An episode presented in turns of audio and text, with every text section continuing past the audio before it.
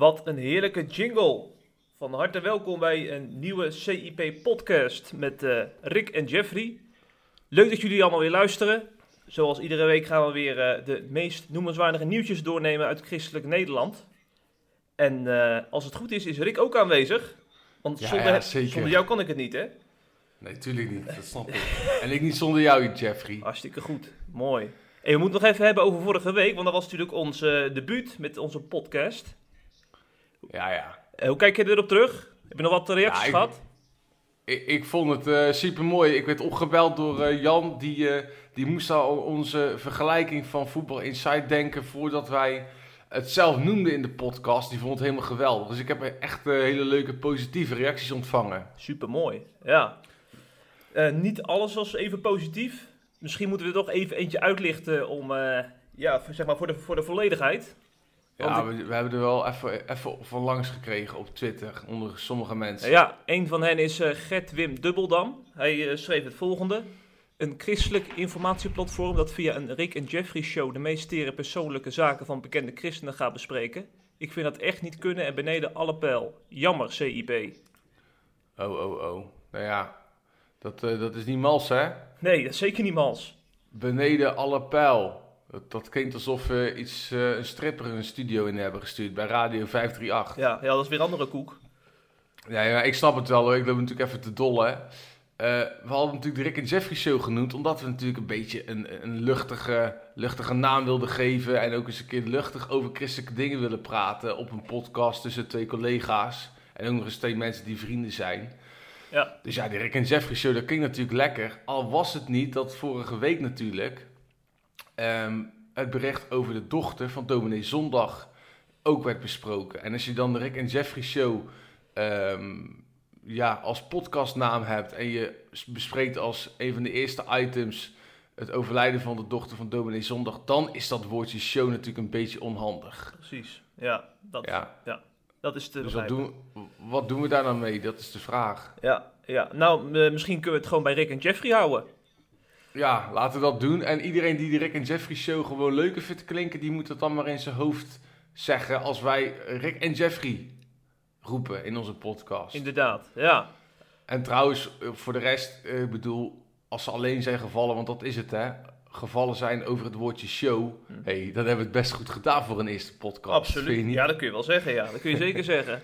En Jean Lapré, Hoe heb jij, ja, zei, je had een tweet van John Aprea, dat had je al gezegd. Klopt, ja, want eh, eh, dat is natuurlijk eh, wel een van onze social media vrienden, zeg maar, op, op Twitter.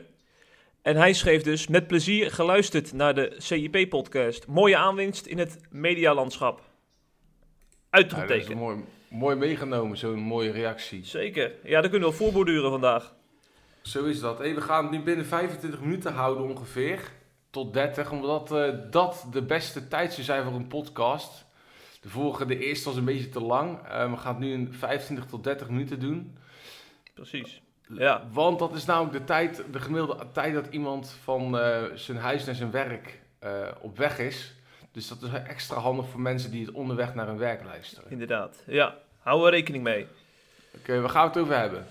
We gaan het zo meteen hebben over eh 100 jaar SGP. Dat is natuurlijk een feest waar we stil gaan staan. En ook bij een bijzonder plan van de ChristenUnie en D66 over het Israëlisch-Palestijnse conflict. En eh, we gaan ook nog een hele bijzondere column van Tim Zinkt eh, bespreken. Maar we trappen af met nieuws over Bill Hybels. Ja, Bill Hybels, dat is toch een van de grootste en bekendste leiders, denk ik, wereldwijd in het christelijk wereldje. Ook het schoolvoorbeeld van integriteit, maar dat beeld is nu wel een beetje anders. Eh, wat is er gebeurd in een notendop? Ja. Ehm, Bill Hybels die heeft kennelijk zich niet altijd even netjes opgesteld naar vrouwen. Er zijn nu bij elkaar zeven vrouwen die hem betichten van ongepast gedrag. En dat varieert dan van eh, lange omhelzingen, ongewenste kusjes eh, en ondubbelzinnige woorden tot echt machtsmisbruik. Ehm, eerst zou het allemaal helemaal niet kloppen. Hij is ook afgetreden. Hij is vervroegd met pensioen gegaan een paar maanden eerder dan gepland. Om eigenlijk eh, die kritiek een beetje te laten, ja, niet te laten doven, maar om een beetje rust in de tent te brengen bij Willow Creek. Willow Creek is ook bekend in Nederland. Hij was nog een paar maanden geleden in Amsterdam. Hij zegt dat er allemaal niks van waar is van die beschuldigingen.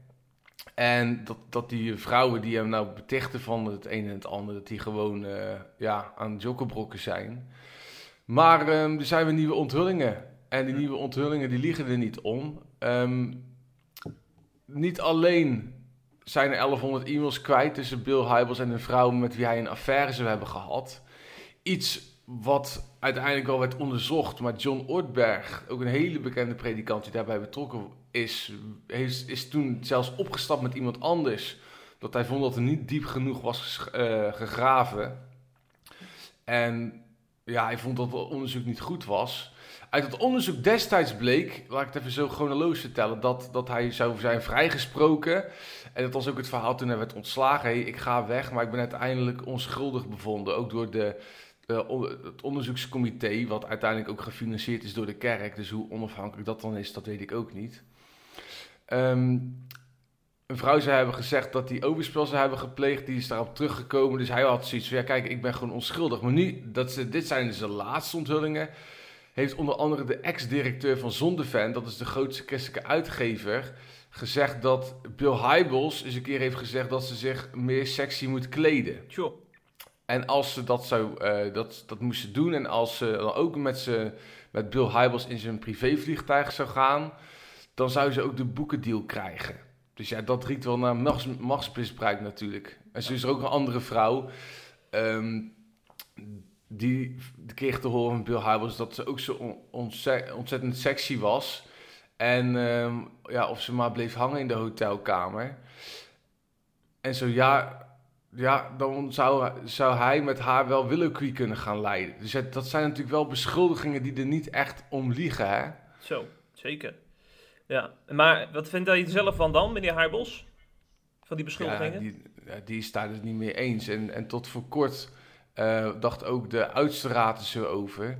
Maar nu die nieuwe onthullingen dus uit zijn gekomen, ja, um, stapelen de vrouwen zich toch op die vinden dat uh, hij zich niet netjes heeft uh, gedragen. Ja, ja precies. Uh, ook die ene mevrouw van Zondevan, die had toen nog gezegd... ja, oké, mag mijn man dan ook mee in dat vliegtuig? Nee, die moest dan maar een andere manier vinden om uh, naar uh, de locatie te komen. Dus ja, dat zijn wel een beetje dingen waarvan veel mensen natuurlijk schrikken.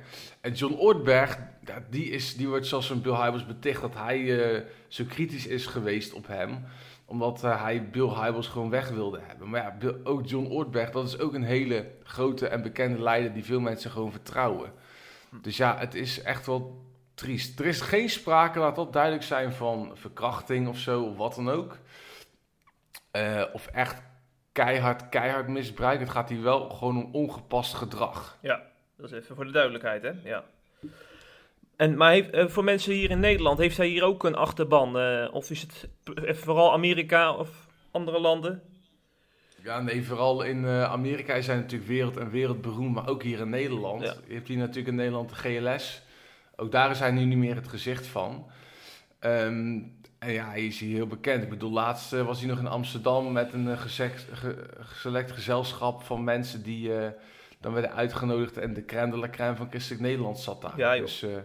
Maar ik, kijk, er is ook, ik moet wel even iets, ik moet ook aan de andere kant voor hem opnemen, want dit gaat natuurlijk ook over jarenlang uh, dingen die hij zou hebben gezegd en gedaan. Mm. Um, ja, uh, seksuele opmerkingen maken en vertellen dat vrouwen zo sexy zijn en met ze op de kamer willen zitten. En ik kan me natuurlijk wel voorstellen dat dat in, weet ik veel hoeveel aantal jaren gebeurt. Ja. Maar in dit geval lijkt het dus een soort van patroon te zijn dat hij zich toch, toch net niet netjes gedraagt naar vrouwen toe. Mm -hmm, precies. En dat die vrouwen daar last van hebben en dat het ook in een soort van doofpot lijkt te zijn gestopt. Ja, ja inderdaad. Oké. Ja, kijk, ik kan, ik kan me dus voorstellen dat je wel sexy, dat je zegt, hey, wat zie je er leuk uit of zo. Maar ja, als het natuurlijk zo ver gaat dat het riekt tot aan machtsmisbruik. Zo van, als je met mij meegaat in het vliegtuig, dan krijg je die boekendeal. Of uh, dat je zegt tegen een vrouw, ja, jij en ik kunnen samen um, Willow Creek gaan leiden. Ja. Terwijl je overduidelijk er continu aan het versieren bent. Ja, dat is natuurlijk wel een bridge too far, snap je? Mhm, precies. En, het, en dat vind ik ook wel het rare, dat toen hij is afgetreden, dat hij niks daarvan heeft erkend. En dat vind ik verdacht. Ja, ja, ja. Ja, want als je aan mij vraagt, heb ik wel iets tegen een vrouw gezegd of een beetje geflirt bij een vrouw. Tuurlijk heb ik dat gedaan en ik ben nog maar zo jong. En zijn oudere man heeft dat natuurlijk ook gedaan. Die heeft ook echt wel, ook al is hij voor de rest onschuldig, dingen gezegd die, waar zijn vrouw niet echt blij mee zou zijn tegen andere vrouwen. Ja. Hè, zo'n man reist ook heel de wereld over, van hotel naar hotel. Kan ik me best voorstellen dat je een wijntje drinkt met een collega en nog een collega op je hotelkamer. En dat je dan blijft plakken met een vrouw die dan nog niet gelijk naar de eigen kamer teruggaat. En dat vind ik dan verdacht als mensen dat dan niet erkennen. Precies, ja. Nou, als- Maar goed, nu, nu, de kerk heeft nu ook excuses aangeboden dat ze de vrouwen niet serieus hebben genomen. Want daar was die John Ortberg ook absoluut niet over te spreken. Die zei, ja, die vrouwen worden niet serieus genomen. Het zijn nu inmiddels zeven vrouwen. En de kerk komt, is daar niet van teruggekomen. Die heeft gezegd, ja, we hebben ook inderdaad die vrouwen... Die zeven vrouwen die dus echt ernstige dingen eh, over het gedrag van Bill Hybels door de jaren heen vertellen. Ehm, die hebben we niet serieus genomen en dat willen we beter doen. ja, ja. Nou, dat is de, toch wel te prijzen natuurlijk, hè. Ja, nee, zeker, Ja. tuurlijk. Ja, Maar goed, eh, ik denk het grotere verhaal is gewoon hoe gaan leiders vanuit een machtspositie, hè, die mensen worden natuurlijk op schild gehesen, hoe eh, zorgen ervoor dat die zich gezond blijven gedragen eh, naar mensen toe die, ze, die hen vooral adoreren. Ja. Hè, dat zijn toch grote popsterren ja, en die krijgen natuurlijk snel de chance eh, met leuke vrouwen. Ja. Die vinden die mannen natuurlijk helemaal geweldig. Ja. En dat is natuurlijk het, het grotere vraagstuk. En dat, het is gewoon levensgevaarlijk, joh, als je zo bekend bent en zo geliefd. Ja. Dan voor je het weet wil iedere christelijke vrouw, iedere christelijke vrouw natuurlijk stiekem wel heel erg graag contact met jou. Want die kijken gewoon naar jou op. ja, Nog los van de vraag of ze dat doen omdat jij zo sexy bent of omdat je zo geestelijk bent. ja, ja, precies. Dus ja, tot zover. Ja, wij gaan even naar een eh, heel ander eh, nieuwsitem. Want eh, we hebben eh, natuurlijk 70 jaar Israël gevierd eh, vorige week. Heb jij trouwens nog een Israël-vlag opgehangen? Maar bij mij geen Israël-vlag. Ik heb ook volgens mij helemaal geen, niet zo'n houder om een stok in te doen, joh. Oh joh. Ja, nee, nee, nou, Jij wel dan? Bij jou hing de vlag? nou, ik heb het bij een Israël-wijntje gehouden. Dus daar zijn we meer van in onze in huizen Oh ja, Schipper. Van de Israël-winkel, hè? Ja, uiteraard. Ja. Maar nou hebben ChristenUnie en D66 een nogal bijzonder cadeau gegeven aan Israël. Want ze hebben een plan samengesteld voor eh, eh, zeg maar de betwiste gebieden, zoals het dan wordt genoemd. Je hebt natuurlijk Hamas in Gaza en de Palestijnse autoriteit in de eh, op de Westoever. En die willen zij verbinden met een, met een verbindingsweg. Om zo ook zeg maar, het Palestijnse volk wat meer lucht te geven. Met name in Gaza. Omdat zij zich toch al opgesloten voelen. Omdat Israël de grens dicht houdt. En nou is natuurlijk de vraag: gaat dit plan eh, deze bevolking helpen? En gaat het ook de vrede bespoedigen in het gebied? Ja. En wat denk jij? Ehm, ik ben hier zelf nog behoorlijk kritisch over. Want eh, eh, laten we niet vergeten dat. Ja, laten we misschien eventjes naar Nederland halen. Stel je nou voor dat je een terroristengroep hebt in, in Zeeland. En dat je In Tolen, in Tolen. Ja, waar ik woon. en dat je dan een gebied hebt in Overijssel. waar ook nog best wel wat extremisten zitten. Wat, wat Twentse extremisten, zeg maar. En dat je die wil verbinden. En dat jij dan in Utrecht woont. Hoe moet je je dan voelen? Ja, ja, ik snap het. Ik snap het. Dat is niet echt handig. Maar aan de andere kant, ik snap weer wel dat ze het... Kijk, het is natuurlijk wel een nobel streven dat ze dit willen proberen. Want in Gaza zitten de mensen inderdaad eh, ja, als een kip in een kippenhok. Enorm hutje-mutje op elkaar. Die bevolking groeit natuurlijk omdat eh, niet alleen eh, christenen goed zijn en kindjes maken, maar ook moslims natuurlijk. Ja. Dus ja, het wordt natuurlijk drukker en drukker. En dan snap ik wel dat je die mensen lucht wil geven. Het probleem is natuurlijk dat vanwege de rotte appels in het midden van die mensen, dat je dat eigenlijk dat het niet praktisch uitvoerbaar is. Want ja, dan gaan ze inderdaad van de ene kant naar de andere kant met eh, dingen smokkelen die dan weer tegen Israël worden gebruikt. Precies, ja. En daar gaat ook natuurlijk die hele Gaza-kwestie over.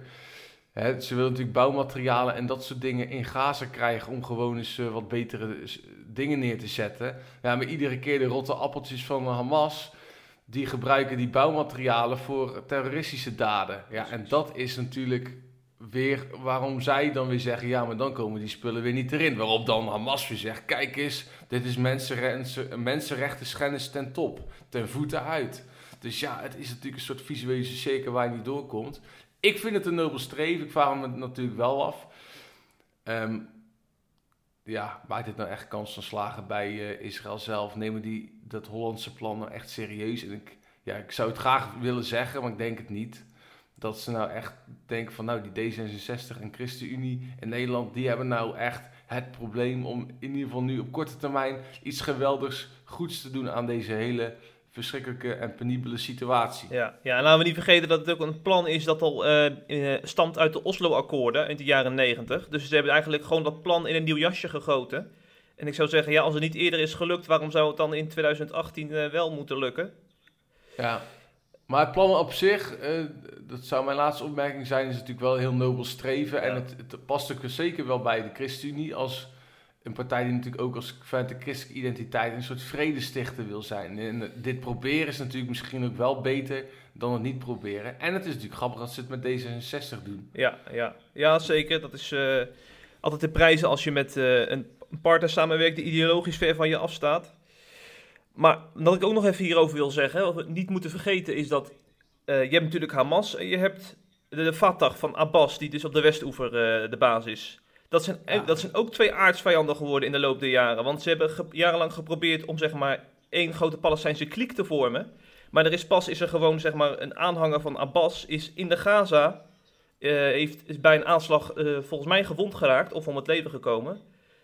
Ja. Dus Ja. je hebt ook nog eens te maken met uh, twee aardsvijanden die je dan gaat verbinden. Moeten we ook nog even in ogenschouw nemen.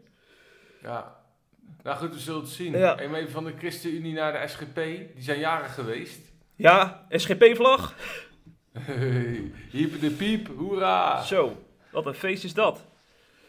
Lekker hoor. Bedoel, Die mannenbroeders houden toch lang uit. Dat is, uh, dat is toch knap. Dat is één, dat is één ding wat zeker is, ja. ja. Heerlijk hoor. En ik zag in de media allerlei uh, reacties. Hans Wiegel die uh, deelde een leuke anekdote. Die had verteld dat in 2010 nou de heer Van der Vlies, die toen de fractieleider was, toch eens even vertelde van zo, jullie zitten nou eigenlijk wel met zo'n kleine partij in het midden van de macht, hè? Ja. Jullie club staat echt in het centrum, joh. Jongen, jongen, jongen, jongen. Waarop Van der Vlies zich vooroverboog naar Wiegel en zei met een twinkeling in de ogen... Sst, niet verder vertellen. mooi, hè? ja, ook mooi. En Van der Brink, Thijs van der Brink, die, die loopt natuurlijk ook al jaren mee. Die, um, ja, die, die had natuurlijk de loftrompet, hè. Uh, die had, wel een um, kritische kanttekening. Dat gaat vooral dan over de positie van de vrouw. Ja. Want uh, ja, de, de SGP-vrouwen, de vrouwenzusters, ja, die, die kunnen natuurlijk nog altijd niet in de Tweede Kamer komen binnen die partij. En het gaat wel heel erg langzaam, zei hij. Ben je het daarmee eens? Uh, nou, dat is net, net hoe je het bekijkt. Want dit jaar zijn er toch nog wel wat uh, ontwikkelingen gaande. Want we hebben natuurlijk uh, de Amsterdamse lijsttrekker Paula Schot gehad... die het namens de SGP ging proberen daar om een zetel te veroveren, wat niet is gelukt.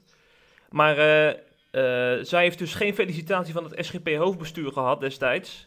En daardoor, dat heeft nogal tot kritiek geleid onder de SGP-achterban. Van waarom feliciteer je deze dame niet? Want die zet, ons, zet, zet zich gewoon heel erg goed in voor onze partij. Ja, en ook voor het eerst in Amsterdam, hè, geloof ik. Ja. Dat ze daar echt een serieuze poging deden. Zeker, zeker. Ja, en daardoor is ook wel een soort discussie op gang gekomen van hoe gaan we nou met mensen als Paula Schot om? En uh, ik zie toch wel, zeg maar, een soort van ontwikkeling die uh, voor vrouwen de goede kant op gaat binnen de SGP. Ja, even nog over het feliciteren. Dat is natuurlijk gelijk de, de mijn eerste reactie is, ja, ik snap wel dat mensen er boos over worden. Of tenminste dat ze dat niet zo heel leuk vinden. Maar ja, moet de SGP-partij uh, dan het bestuur iedereen gaan feliciteren die ergens een lijsttrekker wordt? Uh, dus moet ik dan ook zo'n felicitatie verwachten en boos worden als ik hier in uh, Halsteren, waar geen SGP nog is, lijsttrekker word? Ja. ja, nou volgens mij begon het ook bij een, een soort hoofd, hoofdartikel in zeg maar het partijblad van de SGP waarbij hierop werd ingegaan. En uh, als je dan toch die kwestie bespreekt, ja, waarom zou je dan niet ook nog een signaal afgeven waarbij je laat zien dat je je partij in notabene in de hoofdstad ondersteunt? Want anders, dit is toch wel een soort van, uh, uh, ja, het is toch wel een signaal dat je afgeeft als je dan zo'n, in zo'n belangrijke stad, Amsterdam, dat je daar je eigen lijsttrekker niet hard onder de riem steekt. Ik denk dat, je ja. moet ook wel nadenken hoe het overkomt natuurlijk. Ja, natuurlijk. Uit PR-oogpunt altijd beter gekund. Ja. Ik vind, uh, jij, jij denkt, jij ziet al een entering. Ik vind het toch altijd wel traag gaan. Want sinds dat ik bij CIP werk, is daar nou ja, wel iets veranderd.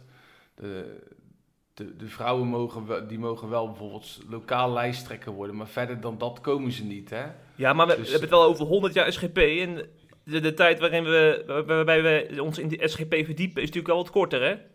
Ja, nee, dat klopt, zeker. Ja, ik blijf toch wel dubbele moraal altijd vinden, hoor. Ik, gewoon een beetje apart. Dat, dat uh, vrouwen wel vaak het hoofd van het gezin zijn, want ze, ze, ze, tonen meer karakter dan hun man in het gezin. Als je kijkt hoe, wat hun inzet is. Ze, hebben, ze zijn soms het hoofd van een school, hè? dus ze, vrouwen mogen wel schooldirecteuren zijn als ze reformatorisch zijn. Ze mogen ook hoofd van het managementteam zijn bij een grote corporate organisatie. Daar kijken we dan allemaal helemaal niet met rare ogen uh, naartoe. Behalve dan wanneer we kennelijk die vrouwen ook uh, nog het stapje zouden maken naar of de kansel of naar de Tweede Kamer. Dan opeens zeggen we over vrouwen: nee, nee, nee, dat is een bridge too far, kennelijk. En dat doen toch nog heel veel mensen. Dat, dat vind ik wel een beetje apart. Ja. Dat is toch een soort van dubbele, dubbele standaard die je dan denk ik neerlegt. Ja, ja. ja ik denk ook vooral dat je zeg maar die kanseldiscussie en de de politieke discussie moet scheiden. Want je hebt ook weer heel veel mensen die uh, binnen de SGP die vinden dat het. Uh, dat zeg maar, die, die zwijgteksten met name betrekking hebben op het kerkelijk leven. Oh ja, en niet op de maatschappelijke Precies. functies van vrouwen. Ja, ja, ja. ja. ik kan, zeker vanuit Bijbels oogpunt kan ik het helemaal snappen. Uh, ik denk alleen als je A zegt, moet je ook B zeggen. Um, dat als een vrouw dus een bepaalde positie in de maatschappij mag hebben, volgens jou nu, dan zou die dat ook dus op het, op het hoogste niveau moeten kunnen in de eredivisie, om het zo maar te zeggen. In de Tweede Kamer. Ja. Dus, uh, ja. Maar goed, we zullen zien hoe het gaat. Ja. Is, is bij jou thuis eigenlijk de vrouw de baas? Nou ja, ze heeft niet de, de broek aan, wel de rok. um, ja, en of ze een echte... Nee, ik denk dat het toch wel redelijk, dat het hier redelijk in balans is hoor. Ja, ja, ja. Mijn vrouw is toch de rots in de branding. Ja. En zonder haar zou ik niks kunnen. Dus ik, ik probeer er ook zo met dat respect te behandelen. En zeker niet te gaan lopen bazen hier. Want uh, nee, mijn vrouw is echt de held. De held. Bij deze. Schat, ik hou van je als je dit hoort. Mooi, heel mooi. Even een romanti romantische verklaring. Juist. Ja, en bij jou dan? Uh, nou ja, ik denk zeg maar op momenten dat het echt wel uh, spannend is. Hè, dus bijvoorbeeld er is een sleutel kwijt. Of uh, er is echt ja, er moet iemand geholpen worden, zeg maar, een buurman of zo die in nood is, dan op dat moment moet wel mijn vrouw de leiding nemen, want anders gaat het niet goed komen. Ah, ja. ja. maar ik denk als zeg maar in de normale omstandigheden dat we dan gewoon in balans zijn. Nou, mooi. Ja. En dan gaan we naar het eh, ene laatste onderwerp. Ja, we hebben een nogal bijzondere column uh, ontdekt in de EO-visie, die uh, veel gedeeld is op social media, van Tim Zinkt, cabaretier. Een jongen die zeg maar hervormde traditionele wortels heeft en is getrouwd met een evangelische dame. Daar komt zijn column ook uit voort. Want hij wijst op een nieuwe beweging, de kerkloze 2.0. We hebben dus uh, jarenlang uh, de kerkloze 1.0 gehad dus. Dat zijn dus uh, de traditionele mensen die naar charismatische evangelische gemeentes overstapten. En nou is er dus volgens hem een nieuwe beweging gaande. Mensen die zeg maar de teruggekeerde, teruggekeerde beweging maken. Terug naar de traditionele kerk om hun eigen roots weer op te zoeken. En daar wijst hij de vinger op in zijn column. Ja, en hij zegt eigenlijk van hey, die kerkloze 1.0, dat waren de mensen die uh, het zat waren met dat slome zingen met een orgel en een man in een jurk en geen heilige geest. Ja. En hups, weg waren ze. Uh, en nu die, die, die kerkloze 2.0, er zijn meer mensen die het nou helemaal hebben gehad met dat overspannen enthousiasme, rock and roll worship, ja. de, de, missie en de visie, de elan en de heilige geest enzovoorts enzovoorts. Ja, ja en, en dat snap ik wel hoor, want Kijk, zeker die evangelische mensen, en ik, ik reken mezelf daar ook voor een deel onder. En ook die sprekers, dat zijn natuurlijk hele snelle jongens, hè? en dat is, allemaal, dat is allemaal heel mooi en lekker smeuig. En het communiceert ook heel goed. Het zijn mensen die heel enthousiast zijn. Dat werkt ook aanstekelijk. Maar waar, waar ze dan vaak daardoor, wat ze dan vaak vergeten, is om een beetje nuchter te zijn. En een beetje gebalanceerd. Dus dan komen ze met allemaal mooie one-liners van, uh, ja, uh, ik noem maar wat, uh, God wil mensen genezen, nog ook vandaag. Terwijl er gewoon mensen in de kerk zitten die natuurlijk aan een derde chemokuur bezig zijn. Of er wordt gezegd, God wil je overvloedig zegenen, leven in overvloed. Terwijl jij net bent ontslagen van je werk. Ja. Hè? En dus die mooie christelijke one-liners, Ehm, ook over, eh, ja, God wil echt een persoonlijke relatie met jou. Terwijl heel veel mensen het gewoon heel moeilijk vinden om God te ervaren. Ja. Ja, die, die, die one-liners en zo, ja, die werken niet. En dan worden mensen natuurlijk na een tijd worden ze daar moe van. In het begin is het allemaal heel mooi en heel, heel spannend. Maar na een tijdje heb je het er wel een beetje mee gehad. En denk je, ja, daar gaan we weer. Ja. Mag het ook wat intellectueler? Want daar zijn natuurlijk de revo's weer goed in, hè? Ja joh, want als je naar een reformatorische dienst gaat en eh, met name zeg maar de tweede dienst, want dat wordt dan de leerdienst genoemd, dan gaan mensen, die gaan dominees gaan dan gewoon echt twee, drie lagen verder dan in een gemiddelde evangelische dienst, want er worden allerlei lastige aspecten van een bijbeltekst helemaal uitgediept. En ik denk dat mensen daar op een gegeven moment ook behoefte aan hebben, behalve alleen een mooie aanbiddingsdienst, toch? Ja, het zeker. En ik zie ook in mijn eigen omgeving dat hoogopgeleiden het vaak echt eh, wel een beetje gehad hebben hoor. Met Ja. ja. ja, dat oppervlakkige, ja, ik, ik noem het niet geneuzel, want ik wil het ook eerbiedwaardig gewoon. eh, het is ook het woord van God vaak, maar als het natuurlijk zo ja, Jippe Janneke-achtig is en blijft, dan mis je gewoon zeker die, die diepe laag. Kijk, wij zijn niet eh, mega intellectueel zelf, maar we weten wel van het ene, van het een en het ander. Ja, en dan wil je wel graag iets verder komen dan God ge- wil gebeden eh, worden. Zeker. Ja. Of eh, God houdt van je. Ja, dan zit je meer ook op echt diepgang te wachten, toch? Klopt, ja. En wat meer evenwicht, hè. Want ik, ik mis ook wel eens eh preek uit het Oude Testament, moet ik zeggen, in de evangelische kringen. Ja, heel veel. Er is ook natuurlijk niet een heel goed schema, hè, vaak hoe er wordt gesproken. Het is meer thematisch en dan komt Frits eens een keer en Kees eens een keer en ze bepalen allebei waar het over gaat. Ja. In series eh, preken, dat doen de meeste evangelische kerken in ieder geval niet. En helemaal niet dan ook nog eens gebalanceerd vanuit het eh, Oude en Nieuwe Testament bijvoorbeeld. En exegetisch preken komt ook niet voor. Dus dat je gewoon echt één heel hoofdstuk pakt of een heel half hoofdstuk en daar probeer je alle gat, eh, de schatten uit te graven, uit te halen en die dan aan de mensen te verkondigen. Precies. Dus ja, Ja, daardoor wordt het ook vaak cherrypicking. hè. We pakken lekker de bijbelteksten ehm, die, die bij ons verhaal horen. Ik moet zeggen, ik doe dat ook vaak. Ehm, maar dan moet je wel heel erg opletten. Ik probeer dat zelf ook te doen.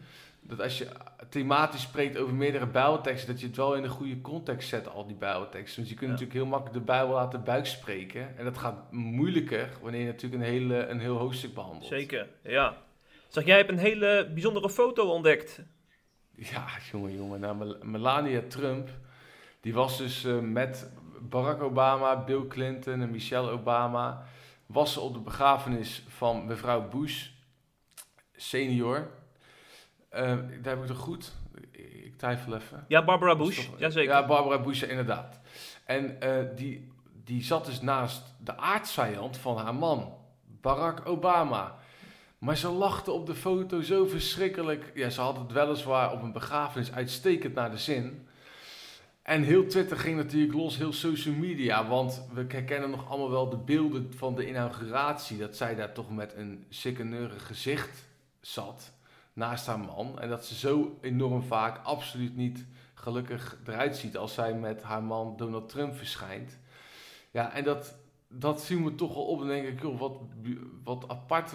Want dit, is, dit soort dingen zijn er vaker voorgekomen. Dat ze met haar eigen man, de meest machtige man op aarde, iemand die zich helemaal geweldig vindt, dat ze daar de mee ongelukkiger uitziet dan met de aardsvijand van haar man. Ja. Opvallend is dat. Ja, dat is wel opvallend. En dan, eh, ik heb toch ergens ook wel medelijden. Ik weet ook van eh, dat boek wat eh, nu recent uit is gekomen en van andere journalisten. Dat ze ook helemaal nooit zat te wachten op dat haar man president zou worden. Of dat zij first lady zou worden. Ja, ja. En dat ze zelfs in huilen is uitgebarst. En dan krijg je toch wat te doen met zo iemand. Ja, ja. Ja, want ze wordt ook van hot naar her gesleept. hè. Als ik af en toe die beelden op journaals zie, dan moet ze weer een vliegtuig in en dan moet ze weer die een handje schudden. Ja, nou, en als je dat natuurlijk doet omdat je er helemaal achter staat, helemaal het geweldig vindt, ja, dan is dat natuurlijk top. En als je dat doet omdat je een geweldige man hebt met wie jij een geweldig team vormt, ook top. Maar als het kennelijk niet zo is, hè, hij is natuurlijk ook vreemd gegaan met die pornoster, eh, zegt men nu, ehm, terwijl zij net een kind had eh, gebaard, ja, dan zou je waarschijnlijk een slechte relatie hebben. En dat doet me dan denken aan, aan het volgende. Christenen hebben vaak zo hun mond vol over Donald Trump en daar moeten toch echt verbidden. Maar wie is nou de machtigste persoon in de omgeving van Donald Trump? Nou ja, misschien wel zijn eigen vrouw. En voor wie zouden we moeten bidden? Voor Donald Trump of misschien wat vaker voor Melania Trump? Ja, Ik denk dat het wel een mooie opdracht is voor volgende week. Dat er ook eens bidden voor Melania Trump. Ja, precies. Nou, laten we daar eens bij stilstaan inderdaad. Goed idee. Het zou mooi zijn als ze dan, eh, als ze dan over een tijd ziet dat ze er gelukkiger uitziet met Donald Trump dan met de aardsvijand van haar man. Ja, ja, dat zou toch een gebedsverhoring zijn dan, hè?